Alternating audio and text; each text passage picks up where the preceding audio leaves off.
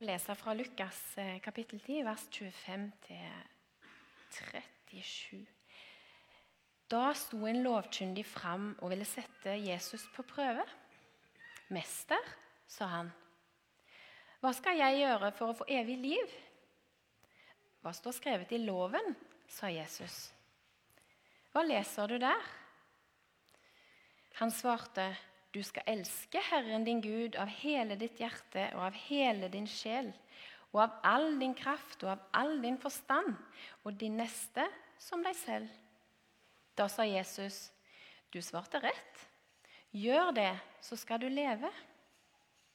Men den andre ville rettferdiggjøre seg og spurte, 'Hvem er så min neste?' Jesus tok spørsmålet opp og sa, 'En mann gikk fra Jerusalem og ned til Jeriko.' Da falt han i hendene på røvere. De rev av ham klærne, skamslo han og lot han ligge der halvdød. Nå traff det seg slik at en prest kom samme vei. Han så ham, men gikk rett forbi. Det samme gjorde en levitt. Han kom, så mannen og gikk forbi.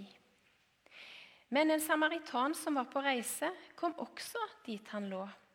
Og da han fikk se ham, syntes han inderlig synd på ham. Han gikk bort til han, helte olje og vin på sårene hans og forbandt dem. Løftet han opp på eselet sitt og tok han med seg til et herberge og pleiet ham. Neste morgen tok han fram to denarer, gav dem til verten og sa, 'Sørg godt for ham, og må du legge ut mer, skal jeg betale deg når jeg kommer tilbake.' Hvem av disse tre synes du nå viste seg som en neste for ham som ble overfalt av røvere? Han svarte, 'Den som viste barmhjertighet mot ham.' Da sa Jesus, 'Gå du bort og gjør likeså.'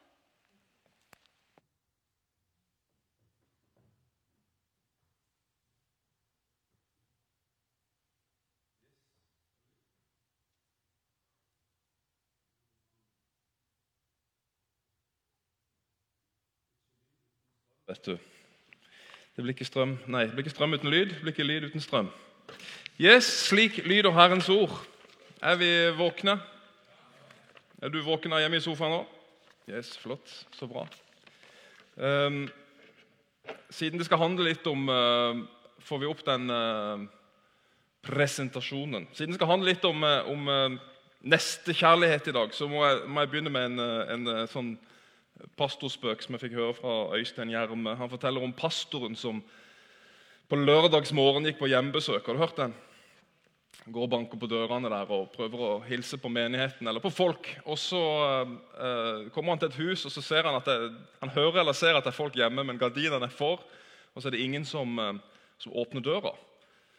Og Pastorer har kanskje en tendens til å være litt sånn ekstra på, så han skriver en liten lapp, og så hilser han med åpenbaringen eh, kapittel 3 vers 20.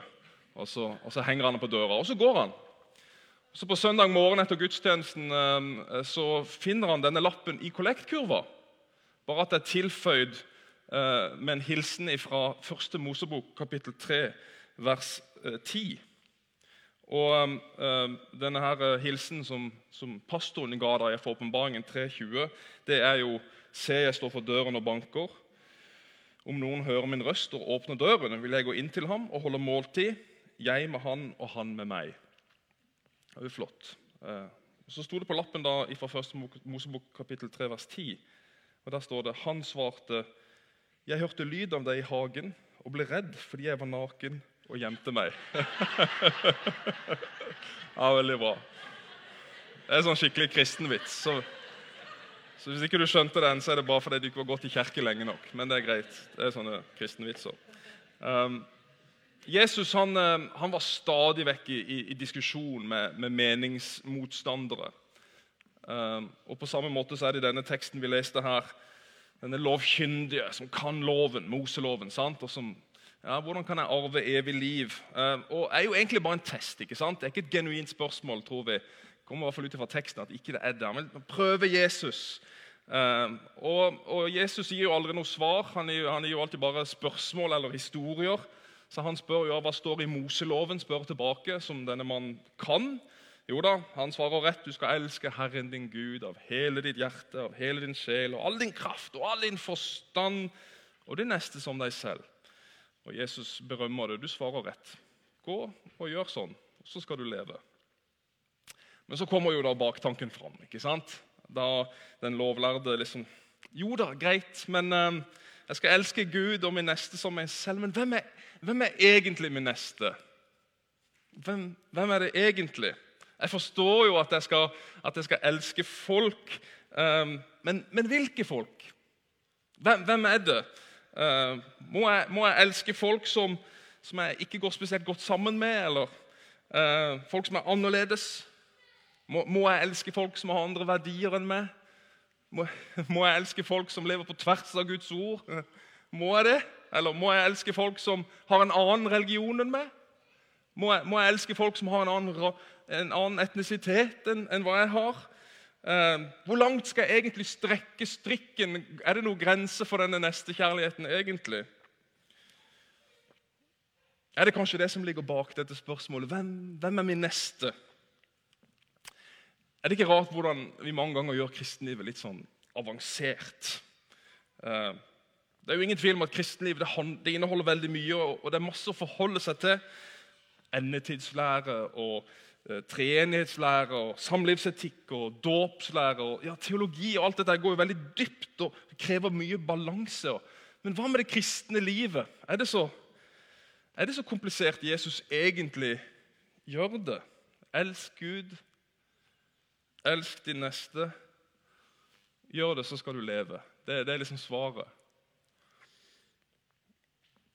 Å være en kristen har i samfunnet vårt ofte, sånn som jeg ser det, blitt redusert til, til hva, vi, hva, vi, mener om ting. Hva mener du? Hva er det du står for? Har du rett standpunkt i den saken? Eller eh, ja, er du på rett side av saken? Og Hvordan vi lever, det virker mange ganger så underordna. For det vi mener, det vi står for, det er det som er det viktigste. Og Derfor er vi kanskje i samme båt som den lovkyndige her, i teksten. Vi tenderer til å heller diskutere på Jesu ord enn å handle på dem. Ja, for vi liker å overkomplifisere, kanskje. Vi liker å rasjonalisere. Vi, vi fragmenterer gjerne. Han kan da ikke mene at vi skal osv. osv. Den lovkyndige han er tydeligvis Eh, komfortabel med å elske Gud av hele sitt hjerte og hele sin sjel og kraft og forstand. Kanskje var det noe han hadde kontroll på, siden han ikke diskuterer det. Men det siste leddet det var litt sånn ukomfortabelt. Elske min neste, forholde seg til andre mennesker. Komplisert.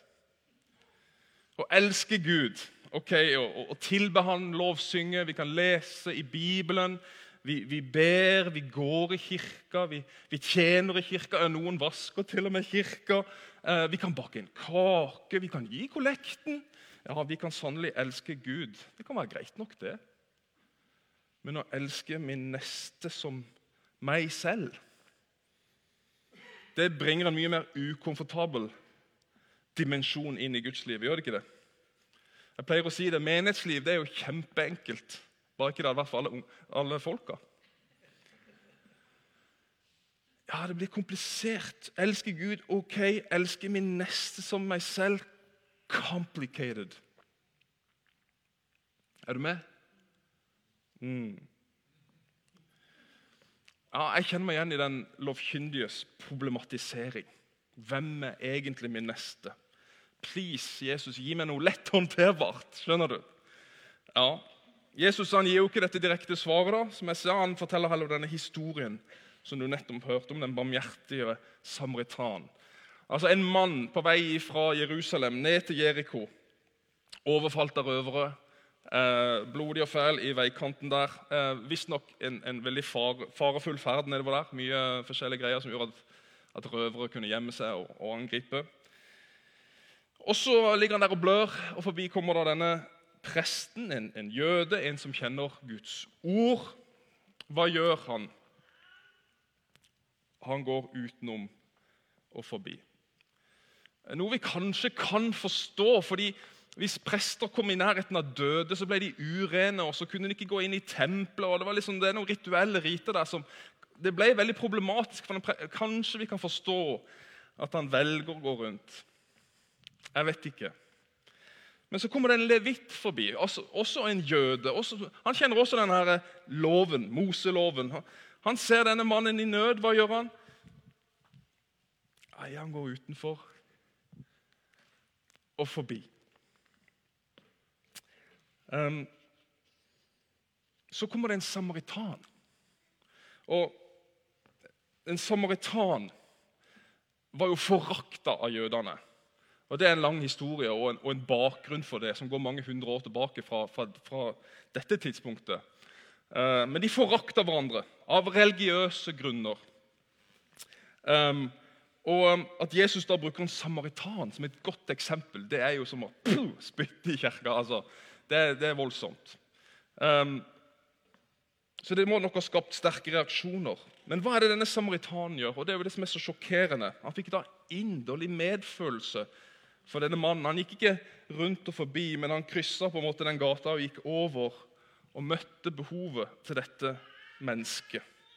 Olje til hans infiserte sår, vin for å dempe smerten, eh, kost og losji osv. En samaritan hjelper en jøde. En fiende gjør godt mot en annen fiende. Det var grensesprengende. Så Jesus bruker ofte sånne overdrivelser for å få fram sine poeng. For de jødene som bare gikk rett forbi, og ikke De var mer opptatt av, av eh, De hadde ikke forstått nestekjærlighetsbudet. De var opptatt av å elske Gud men de hadde ikke forstått at det å elske sin neste var like viktig. Og det er jo sånn at Guds kjærlighet er jo både hva er det for noe, vertikal, fra han til meg, helt klart. Det er jo utgangspunktet, men den er også horisontal. At Guds kjærlighet den går også ut videre til andre mennesker. Eh, denne lappen hang plutselig på peisen. Jeg la merke til den i går. Eh, det er sikkert noe kona har hengt opp. 'Loved to love, blessed to be a blessing'. Det henger jo sammen. Det er ikke bare vertikalt at Gud elsker meg, men han elsker meg for at jeg også skal elske andre mennesker. Han velsigner mitt liv fordi jeg skal velsigne andre mennesker. Han tilgir meg for at hans tilgivelse skal gå videre til andre mennesker. Nestekjærligheten. Martin Luther King jr. De eldste her husker han. Han sa noe i en av sine viktigste taler. Så sier han Det første spørsmålet presten og levitten spurte, var Hvis jeg stopper og hjelper denne mannen, hva vil skje med meg? Det var hans tolkning av den teksten. Presten og levitten som gikk, gikk forbi. Deres første spørsmål er hvis jeg hjelper den mannen, hva vil skje med meg da? Mens hva gjør samaritanen? Den gode samaritanen snudde spørsmålet på hodet og sa hvis ikke jeg stopper og hjelper denne mannen, hva vil skje med han? Så er det forskjell på det. Hvis ikke jeg stopper og hjelper, hva vil skje med han? Og Er ikke det hjertet av evangeliet? Bortsett fra at han har tatt vår synd osv. Men er ikke det på en måte i praksis noe av hjertet i evangeliet demonstrert gjennom Jesu liv? Han demonstrerer veien ut av vår selvsentrerthet, ut i denne andresentrertheten. Er du med? Det er evangeliet. Det står i Matteus 20 han som ikke kom for å la seg tjene, men for å selv å tjene og gi sitt liv. Der har du oppsummeringa fra Johannes om Jesus Kristus. og Der får du også ordet diakoni fra, som du skjønner ligger under her i, i, kveld i dagens eh, tekst. Han som ikke kom for å la seg tjene, men for å være en tjener og gi sitt liv. Han som ga avkall på sitt eget stad stadig Filipperbrevet om Jesus. Jesus reformerer denne selvsentrerte verden vi lever i. Og Så sier han at lykken, eller friheten, det er å tjene den andre. Er det ikke sprøtt? Lykken er å elske Gud og de neste. Han sier det så skandaløst i Det nye testamentet også, at den som vil miste sitt liv for min skyld, skal finne det. What? Den fullkomne glede og frihet ligger i å tenke ikke hva som vil skje med meg hvis at det, Men hva er det som vil skje med han hvis jeg ikke Er du med, eller? Dette er jo dødsbra. Etterfølgere av Jesus har jo opp gjennom historien spesielt den første kristne kirke, Jesusbevegelsen, altså lenge før 70-tallet. De første kristne. Hva var de mest kjent for? Jo, de var kjent for diakoni, tjeneste, tjene mennesker. Eh, radikal nestekjærlighet. Altså, vi blekner jo når vi, når vi leser deres historier om hvordan de bokstavelig talt ofra sine liv for mennesker. Det er helt utrolige historier. Um, Eusebius, eh, en kirkehistoriker fra rundt 300-tallet, han, han, skriver om de kristne i, i Cesarea.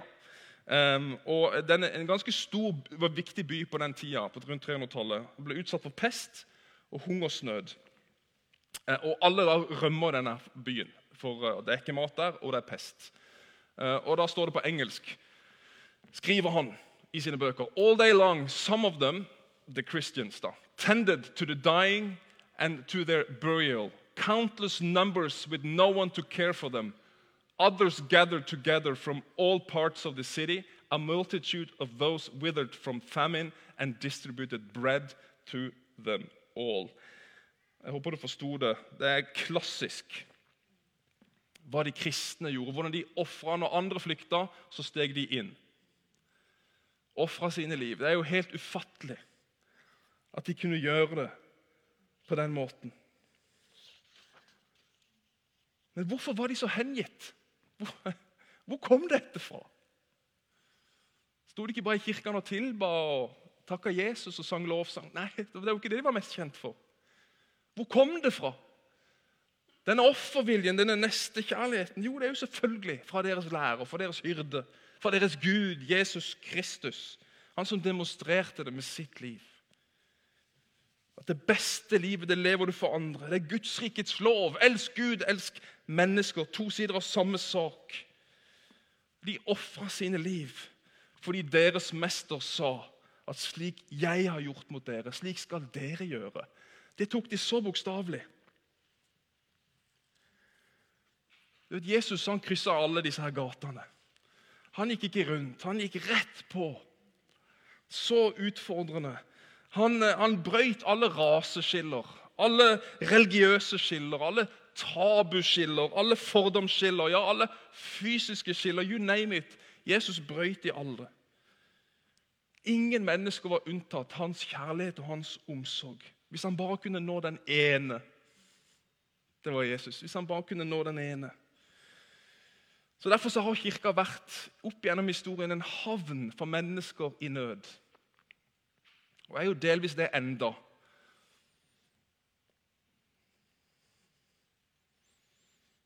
Kjærligheten til mitt neste det var liksom tegnet på at du var en etterfølger av Jesus. Hvordan så den kristne ut? Hva var smaken? Hva var lukten? Hva var tegnet på om du var en kristen på den tida? Ja, det var ikke så veldig komplisert, for å si det sånn. Eh, det var dette. Men den som har mer enn nok å leve av, og likevel lukker sitt hjerte når han ser sin bror lide nød. Hvordan kan han, han ha Guds kjærlighet i seg? Mine barn, la oss elske, ikke med tomme ord, men i gjerning og sannhet. Og Vi kan la oss utfordre av disse ordene. Så vanvittig! Selvsagt er det det. Men hva med oss i 2023? Hva nå, liksom?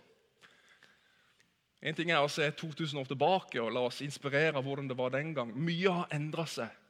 Ja, i våre hjerter ja i på en måte, hva det er å være en kristen. Noe har endra seg, i hvert fall. Om ikke alt, langt ifra. Men noe har endra seg.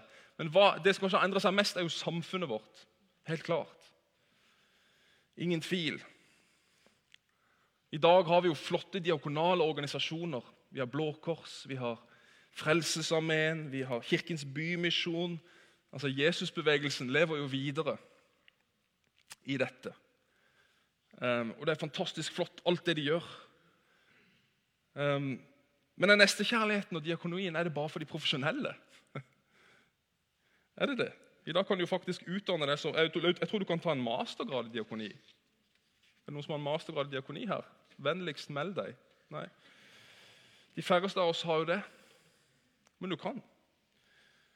Og så bor vi jo i et land hvor ikke det er hungersnød. Sant? Vi bor i et velferdssamfunn hvor staten tar vare på mennesker. og Det er jo fantastisk at det er sånn.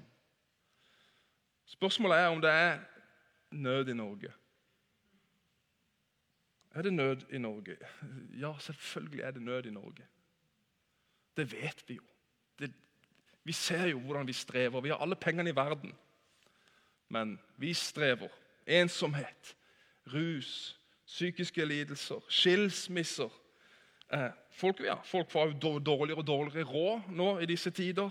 Flyktningekrisen fra Ukraina det bare presser på. Ja, vi kan nevne i fleng. Det er mange ting som ikke er tatt vare som ikke, som ikke samfunnet klarer å plukke opp. Og så, Vi hadde sikkert klart å nevne en del her, men det er på en måte, vi står ikke til knes i nøden. Altså, vi, vi, er på en måte, vi må leite litt etter den. Og Det er mye skjult nød i Norge. Bak disse gardinene som er trukket for, som denne pastoren banker på døra. Jeg har gått mye på dører tidligere da jeg var pastor i Bergen. og Det var masse nød, men det var klart det, som nordmann å liksom si at jeg trenger hjelp, den, den, sitter langt inne. da.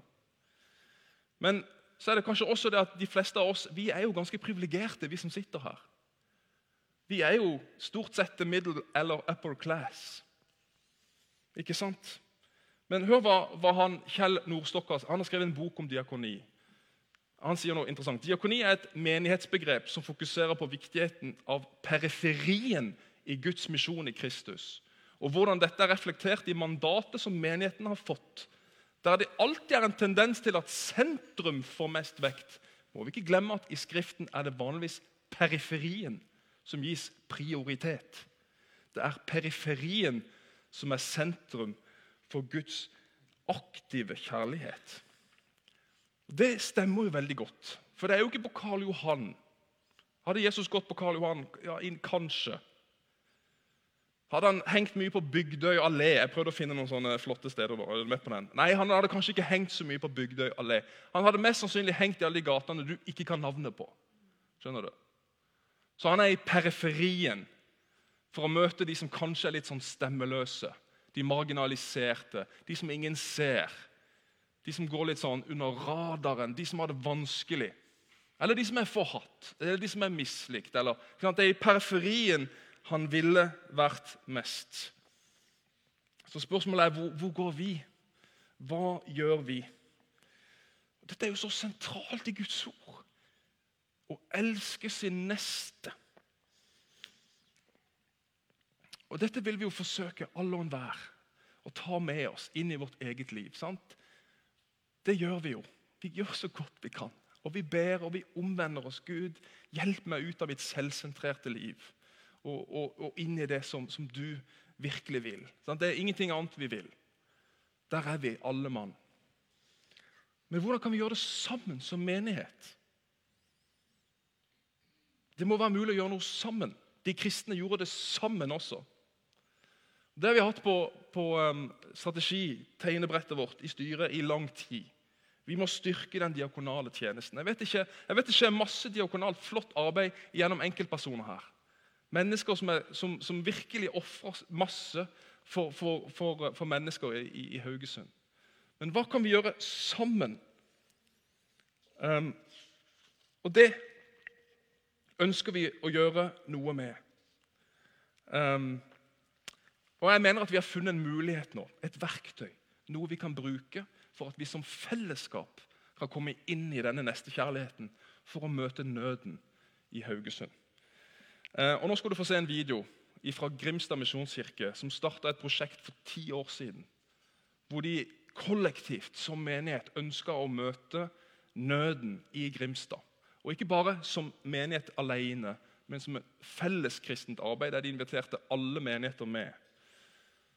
Så nå skal vi se en video før jeg avslutter etterpå. Så jeg håper dette vil inspirere deg. Til stede Tenk at vi er ti år nå. Fra en enkel idé til nå ti år med nestekjærlighet. Det er ti år med å bygge broer mellom frivillige i lokale kirker og menigheter og de som trenger hjelp. Bestevenner. Bestemor. Ja. Utgangspunktet var at vi vet jo om at det er så enormt mye nød rundt oss. Det er så mange enkeltmennesker i vanskelige livssituasjoner, også helt lokalt. Og det gjøres heldigvis mye bra. Men vi tror at nøden i større grad må synliggjøres for folk flest. Vi må få se den og få øye på den, sånn at de som vil hjelpe, skal få muligheten til akkurat det. Jeg og mannen min hadde veldig lyst til å være med og bidra fra starten. Så kjente vi at dette heia vi på, dette hadde vi lyst til å være med på. Og, og dette engasjerte oss. Det har vært utrolig givende og spennende å få lov til å være en del av et sånt stort nettverk. Og få lov til å bare vite at vi er mange som har lyst til å gjøre noe for, for menneskene i byene vår. Helt i oppstarten av tilstedearbeidet så dekka vi i styret mange av hjelpebehovene sjøl. Men i dag så er det utrolig gøy å sende ut disse anonyme hjelpebehova ut på mail. Til i Grimstad f.eks. så har vi 150 mailadresser som det her sendes ut til. Og bak disse så er det familier, en kirke, det er småfellesskap, og det er til og med en hel bibelskole. Det vil si at det er mange hundre mennesker som får vite om den ene som trenger hjelp. Og så får vi nesten alltid svar. Og det holder med ett svar, og så er hjelpen der. Og kanskje er det begynnelsen da på en god relasjon. Jeg heter James. Jeg kommer fra Sør-Sudan. Jeg kom til Norge i 2019. Jeg har tre barn Økonomi Angelina. Til stede, så de, de hjelper oss for hele tida. Mange ting. Så jeg er veldig glad.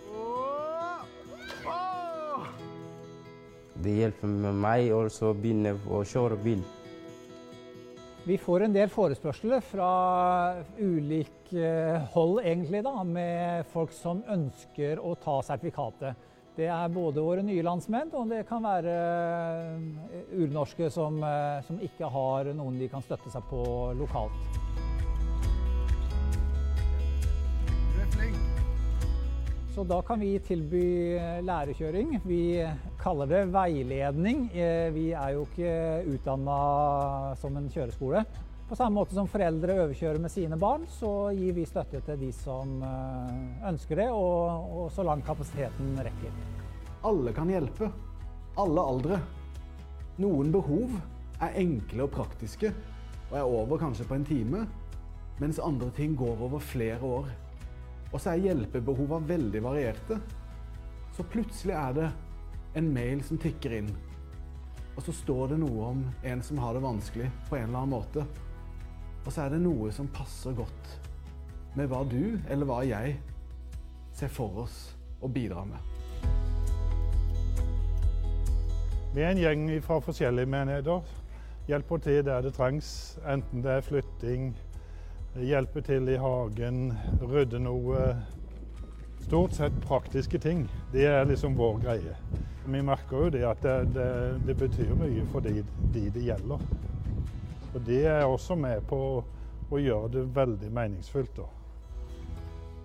Og så er det utrolig gøy at vi har siden oppstart i snitt over 50 ganger årlig, altså mer enn ukentlig siden 2011, så har vi satt i gang frivillig arbeid gjennom til stede. Og I tillegg så har vi de siste årene starta flere prosjekter retta mot ulike målgrupper.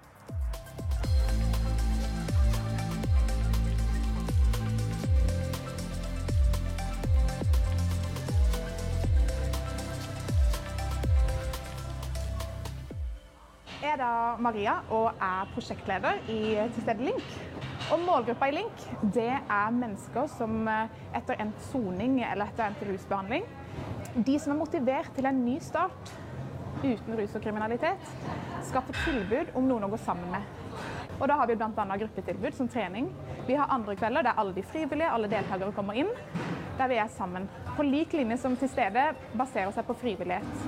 Det handler om frivillige mennesker som ønsker å være der for de som vil begynne på nytt. Enkelt og greit.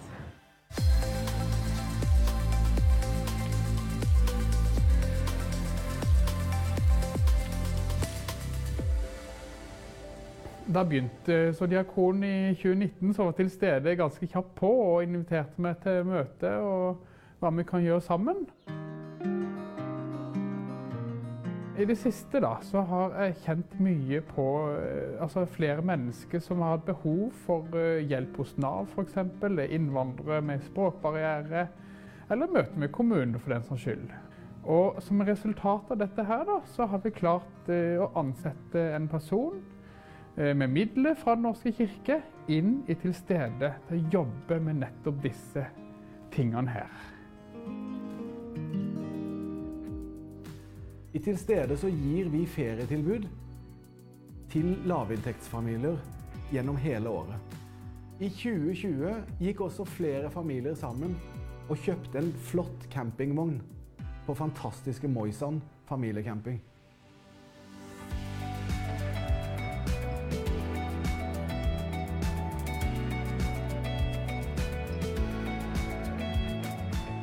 Og nå kan vi altså gjennom hele sommersesongen tilby gratis ferieuker til disse familiene som trenger det og fortjener det.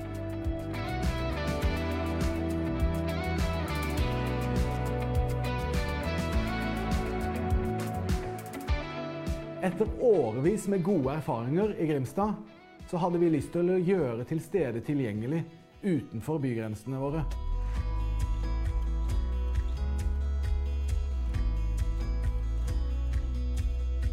Så vi har i dag etablert arbeidet i andre byer, og flere andre steder er på gang.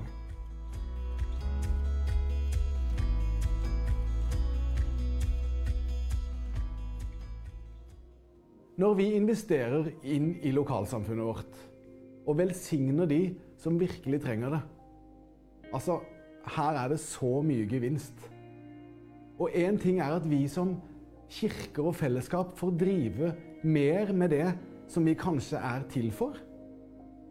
Som en kirke uten vegger. Men det at den ene får den hjelpen han eller hun trenger, det har også nok verdi i seg sjøl. Det handler om den ene.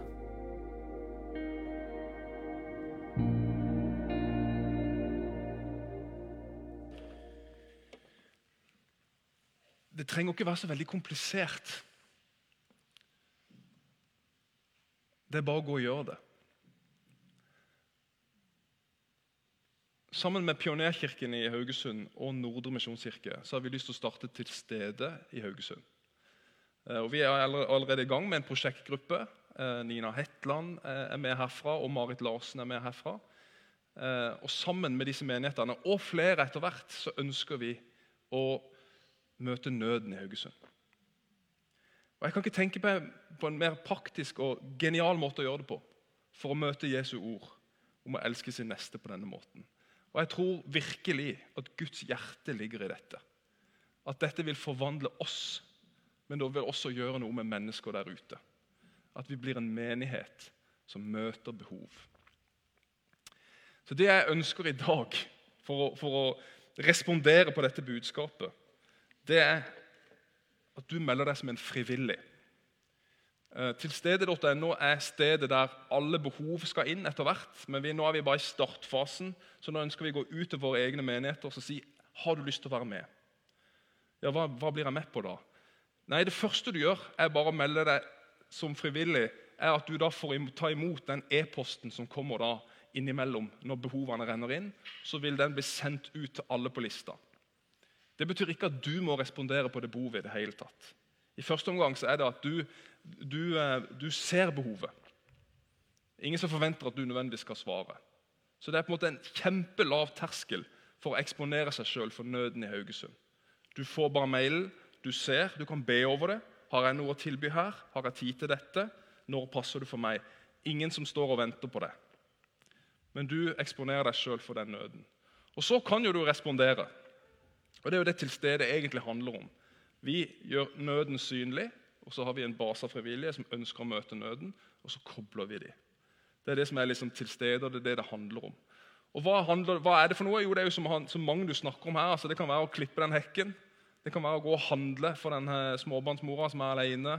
Eller uh, u, altså alt, Uansett hva det kan være. Det, det, vil ikke være å bygge et hus. ikke sant? Det svarer du ikke på nødvendigvis. Eller behov som er så enorme at det kommer til å ta, kreve alt av oss. Nei, det er de enkle, små tingene. Og Det viser seg gjennom ti år i Grimstad har gått utrolig bra. Så det Jeg ønsker og håper at menigheten vil være med på dette. Det kommer ikke til å kreve alt av det. Men det er en fin, fin øvelse i oss å, å, å gå ut i nestekjærlighet. Så gjør du det allerede i ditt eget liv, og det er helt fint. Og Hvis du kjenner at dette her, det er ikke noe for meg, jeg har ikke behov for, jeg har mer enn nok av, av behov rundt meg som jeg møter i min hverdag, fint. Men hvis du er som de fleste av oss, eller i hvert fall sånn som meg, som kanskje trenger at denne nøden blir synliggjort for meg, for jeg ser ikke den så mye i min hverdag, så er dette genialt. Så jeg håper du vil gjøre det. Du klikker deg bare inn på 'melde deg som frivillig'.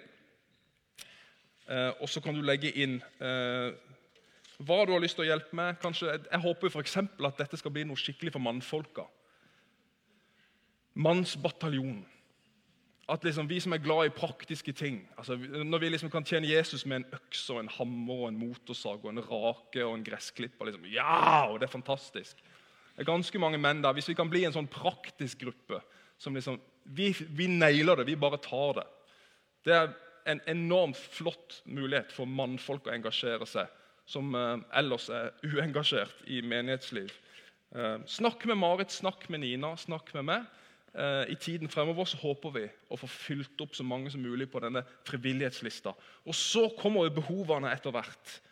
Og Hvordan skal vi gjøre det? det? det? vet vi ikke helt. Vi skal snakke med Blå Kors, vi skal snakke med Kirkens Bymisjon, vi skal snakke med Frivillighetssentralen i Haugesund.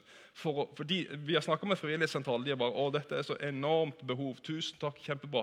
Vi skal samarbeide osv. Vi kommer ikke til å gå ut i avisa. Her er vi. Altså, Vi må ta dette litt slow. Men du kjenner kanskje noen behov. Du vet om noen. Kan vi hjelpe noen inn gjennom denne kanalen for å melde et behov? Og så er vi i gang. Men altså først, i hvert fall i, i, nå i februar og i begynnelsen av mars, så vil det være fokus på å få inn frivillige som har lyst å være med på dette. Helt til slutt hvem er min neste? Jo, det er jo den jeg møter i min hverdag. Det er de jeg har rundt meg. Selvfølgelig er det det. Men så drar Jesus det enda lengre i, i, i denne lignelsen, eller historien, om denne barmhjertige tanen, som krysser gata til den han ikke kjenner, til den han i utgangspunktet ikke vil være sammen med. Denne fremmede, den som er ulik oss sjøl. Den som vi aldri ellers ville møte i vår hverdag. Den er også vår neste. Han eller hun som lever i periferien. Så la oss være barmhjertige, slik han er barmhjertig mot oss. Skal vi be sammen? Herre, takk for ditt ord. Herre, takk for den gave som din nåde og din kjærlighet inn i vårt liv er. Og så vil jeg be i dag, Herre, om at du må hjelpe oss å være barmhjertige. Herre. Hjelp oss å bære den kjærligheten du fyller oss med, videre ut til andre mennesker. Og elske vår neste som oss selv. Herre, må du hjelpe oss inn i det. Som enkeltmennesker, men også som menighet, Herre. Jeg vil be om din velsignelse over tilstedeprosjektet. Herre, for enhet i byen mellom de kristne, Herre, og at vi skal få møte den nøden som du ønsker å berøre. Herre. Og Så kjenner jeg litt på det, kjære menighet, at, eh, at det ligger et kall til omvendelse i dette. Og det, Jeg kjenner på et alvor i det fra, fra Jesus. For det er ikke bare sånn Ja, dette hadde vært fint. Å ja, så skjønt. Det er et alvor over det, hvor Jesus kaller oss til omvendelse. Fordi vi er så selvsentrert. Og det kan være som menighet også. at her må vi lyde Jesu ord.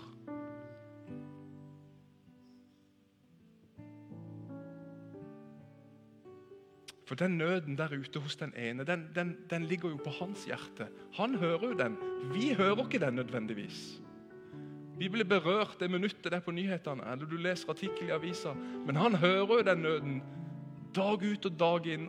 Og Kanskje er det derfor han sier at vi må omvende oss. Fordi det plager han. Og alt av hans håp og hans kjærlighet ligger her hos oss til å gå ut. Så jeg tror at det ligger en omvendelse i det. Og også en omvendelse i det som ikke er sånn Skjerp deg, du din latsabb, liksom. Jesus sier jo 'venn om'. Ikke fordi helvete er nær, men venn om fordi himmelriket er nær. Så den tomheten du kjenner på, den lengsel etter Gud, den ligger også i den omvendelsen at hvis vi kommer inn i dette, hvis vi får møte nøden, så vil Guds kjærlighet strømme gjennom ditt liv. Det du tror du ikke hadde, det hadde du når du går i lydighet, i tro. Det er der det ligger. Herre, så hjelp oss. Hjelp oss. Vi er så privilegerte. Hjelp oss. Vi er så rike. Hjelp oss. Gjør ditt, Herre, i Jesu navn. Amen.